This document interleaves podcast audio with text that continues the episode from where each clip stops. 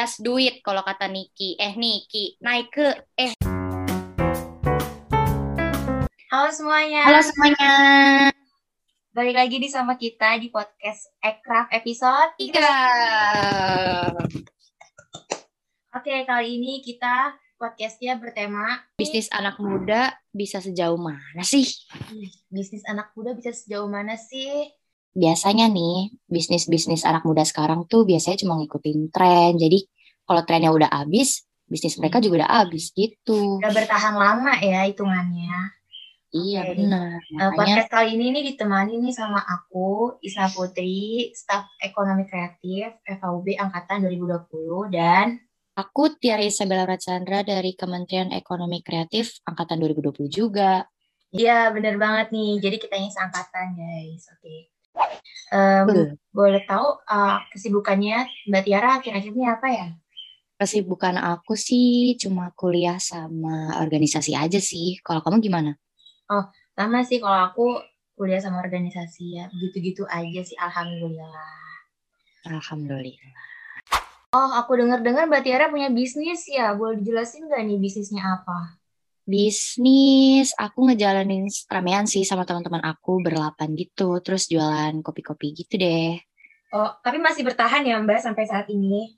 Alhamdulillah, Wak. Tapi nih, selain aku yang bisnisnya masih bertahan, aku dengar-dengar teman aku juga punya nih bisnis yang masih bertahan sampai sekarang. Siapa tuh boleh diundang dong ya, berarti temannya sebagai narasumber kita untuk episode Boleh, kali boleh. ini.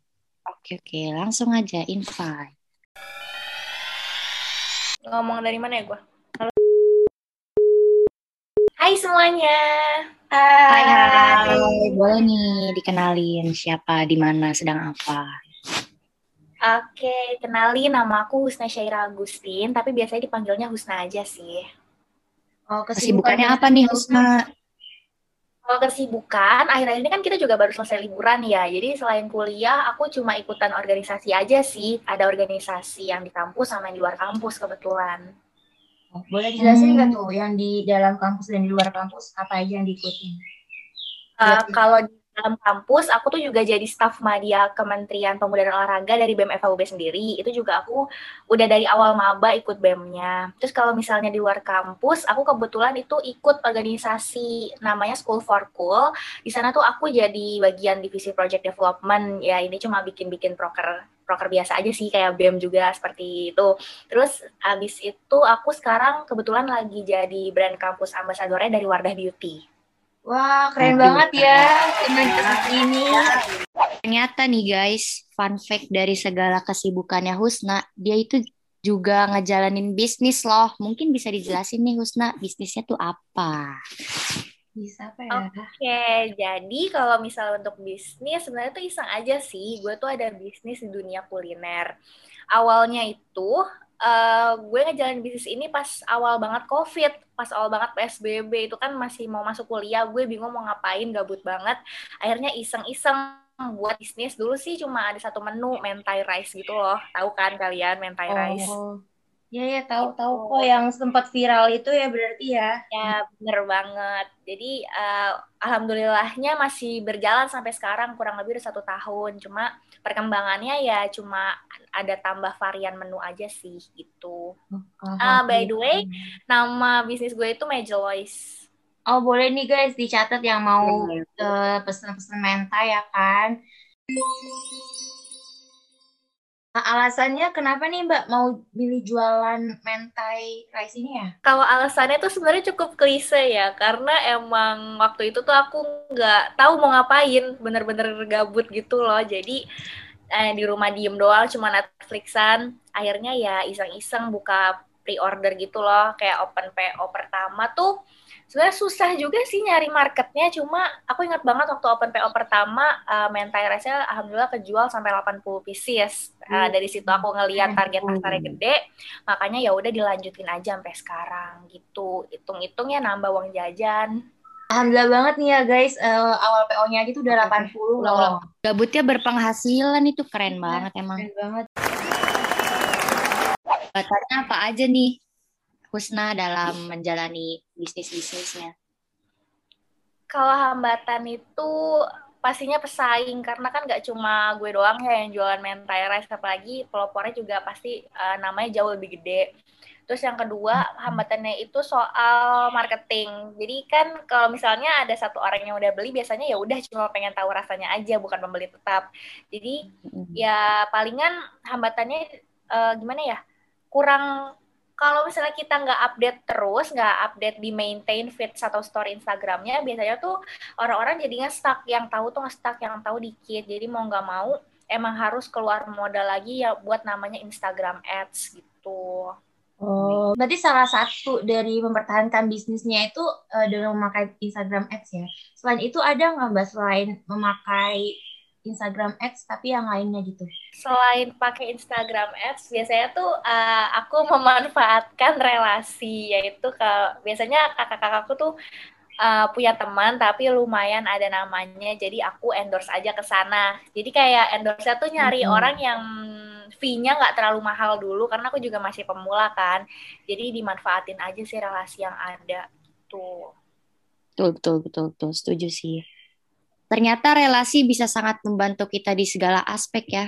Kuliah, yeah. bisnis. Jadi mungkin penting banget nih kita buat cari relasi sebanyak-banyaknya.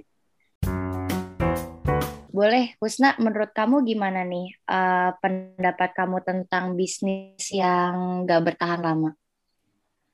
gini ya, uh, kalau menurut aku, kalau untuk mindset buat bikin bisnis itu tetap tergantung balik lagi sama diri kita sendiri. Karena kalau misalnya kita masih punya uang dari orang tua secara terus-menerus, tiap bulan dapat jatah, itu nggak akan ada pikiran untuk buat bisnis. Karena dulu aku juga awalnya kayak gitu. Cuma kayak aku mikir lagi sampai kapan sih mau hidup enak, sampai kapan sih uang tuh terprovide terus dari ya, orang tua. Kan kita juga nggak akan tahu kapan, ya sampai kapan lah bisa hidup enak kayak gini. Jadi ya aku pengen aja gitu loh punya pengalaman gimana, biar tahu rasanya biar tahu rasanya susahnya cari uang gitu. Hmm. Jadi kayak nggak nggak selalu di zona nyaman terus. Intinya gitu sih. Bener bener bener banget nih Mbak Husna. Hmm. Aku pikirannya bagus sekali ya. Biar tahu juga gitu. Kalau misalnya kita nggak mau nyoba, gimana caranya kita tahu.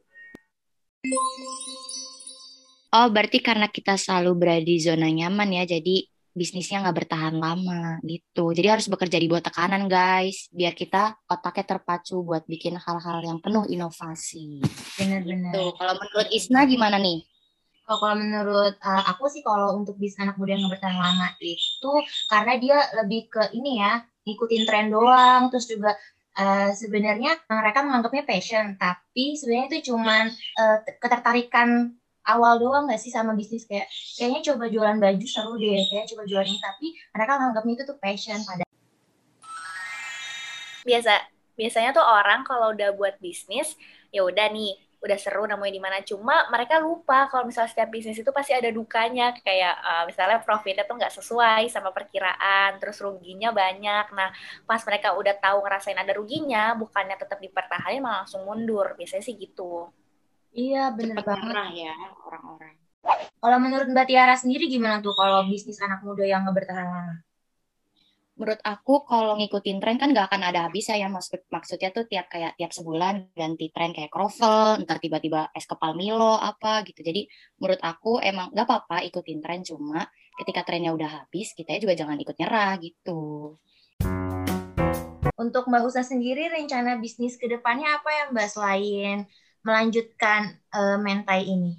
Kalau misalnya dari aku sendiri sih, untuk pandangan ke depan tuh aku masih tetap mau ngembangin Major Voice ini dulu aja. Soalnya kalau misalnya aku mau ada uh, planning untuk bikin yang baru, takutnya tuh yang sekarang malah nggak kepegang, nanti malah jalannya tuh malah setengah-setengah gitu loh, nggak nggak total gitu. Jadi mendingan aku punya pandangannya mau tetap ngembangin Major Voice dulu aja.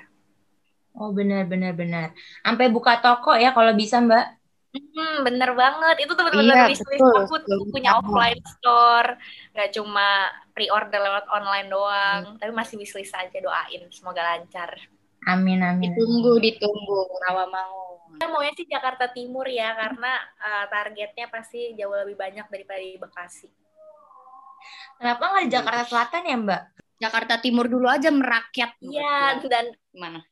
Timur tuh aku masih bisa handle dari rumah. Kalau bisa ke selatan, aku tua di jalan ya. Buat Mbak Tiara, mau buat bisnis apa nih ke depannya? Apa mau melanjutkan bisnis yang bareng teman-temannya? Aku tetap mau ngelanjutin aja sih, soalnya pas itu tuh udah sempet mau bikin kafe, cuma sempet uh, sempet tertunda gara-gara corona. Ternyata coronanya selama ini tahu gitu mah pas awal langsung aja digas gitu. Jadi rencana aku sih cuma itu aja sih. Oh, berarti nggak ada mau bikin bisnis sendiri ya, jadi masih mau lanjutin sama teman-temannya. Iya, seru soalnya kalau ramean bisa sambil main. Tanggapan Husna gimana sih tentang bisnis yang berasal dari modal orang tua kan banyak nih umuran sekitar ini yang mau buka bisnis tapi uh, pakai uang sendiri. Tapi kan tahu sendiri nih uang-uang anak seumuran kita kan belum terlalu memadai ya. Jadi gimana nih menurut Husna? Iya tuh, gimana tuh? Uh, jujur sih kalau dari aku sendiri emang awalnya bikin bisnis ini kan modalnya dari uang jajan. Kayak aku waktu itu uh, agak kur agak kurang bukan kurang aku agak jarang keluar rumah jadinya uangnya uang jajannya aku kumpulin buat jadi modal bisnis terus kalau misalnya tanggapan aku untuk anak muda yang bikin bisnis dari modalnya dari orang tua sebenarnya itu tetap it's okay sih karena itu privilege mereka. Balik lagi ke privilege karena nggak semua orang punya nggak semua orang bisa seberuntung mereka. Terus terus habis itu uh, kalau dari aku sendiri jujur kalau misalnya nanti kepepet banget pasti aku pasti aku akan memanfaatkan kesempatan itu. Cuma kalau misalnya aku masih bisa handle sendiri akan aku usahain aku pakai uang sendiri dulu. Karena pasti kalau misalnya modalnya pakai uang sendiri hasilnya tuh jauh lebih membanggakan gitu loh. Bagus-bagus pemikirannya. Bagus. Nah tuh patut dicontoh ya teman-teman. Jadi uh, gimana caranya lakuin dulu apa yang kita pengen gitu. Misalnya uh, minta iya. sama orang tua juga nggak apa-apa kan? Untuk kebaikan ya Iya, nanti kalau udah ada untungnya dibalikin aja uangnya. Ya, diganti gitu seperti beneran ngasih modal aja bukan ngasih uang gitu.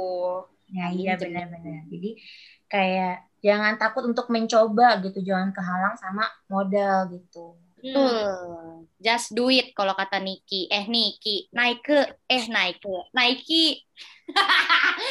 Aduh gak jelas dah. Dan lucu lucu. Oke, buat pencapaiannya sejauh ini gimana tuh Mbak yang udah membanggakan kedua orang tua gitu kan? Didengar-dengar sih pencapaiannya udah bisa mengharukan ya sampai membuat orang fantastis.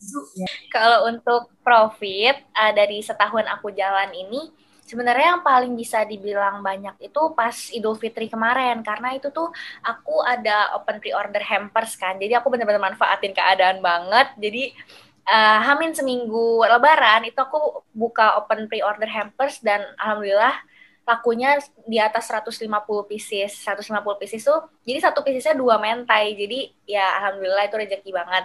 Tapi di situ juga aku agak keluar banyak modal di Insta di Instagram Ads juga. Jadi walaupun modalnya banyak tapi profitnya jauh lebih banyak.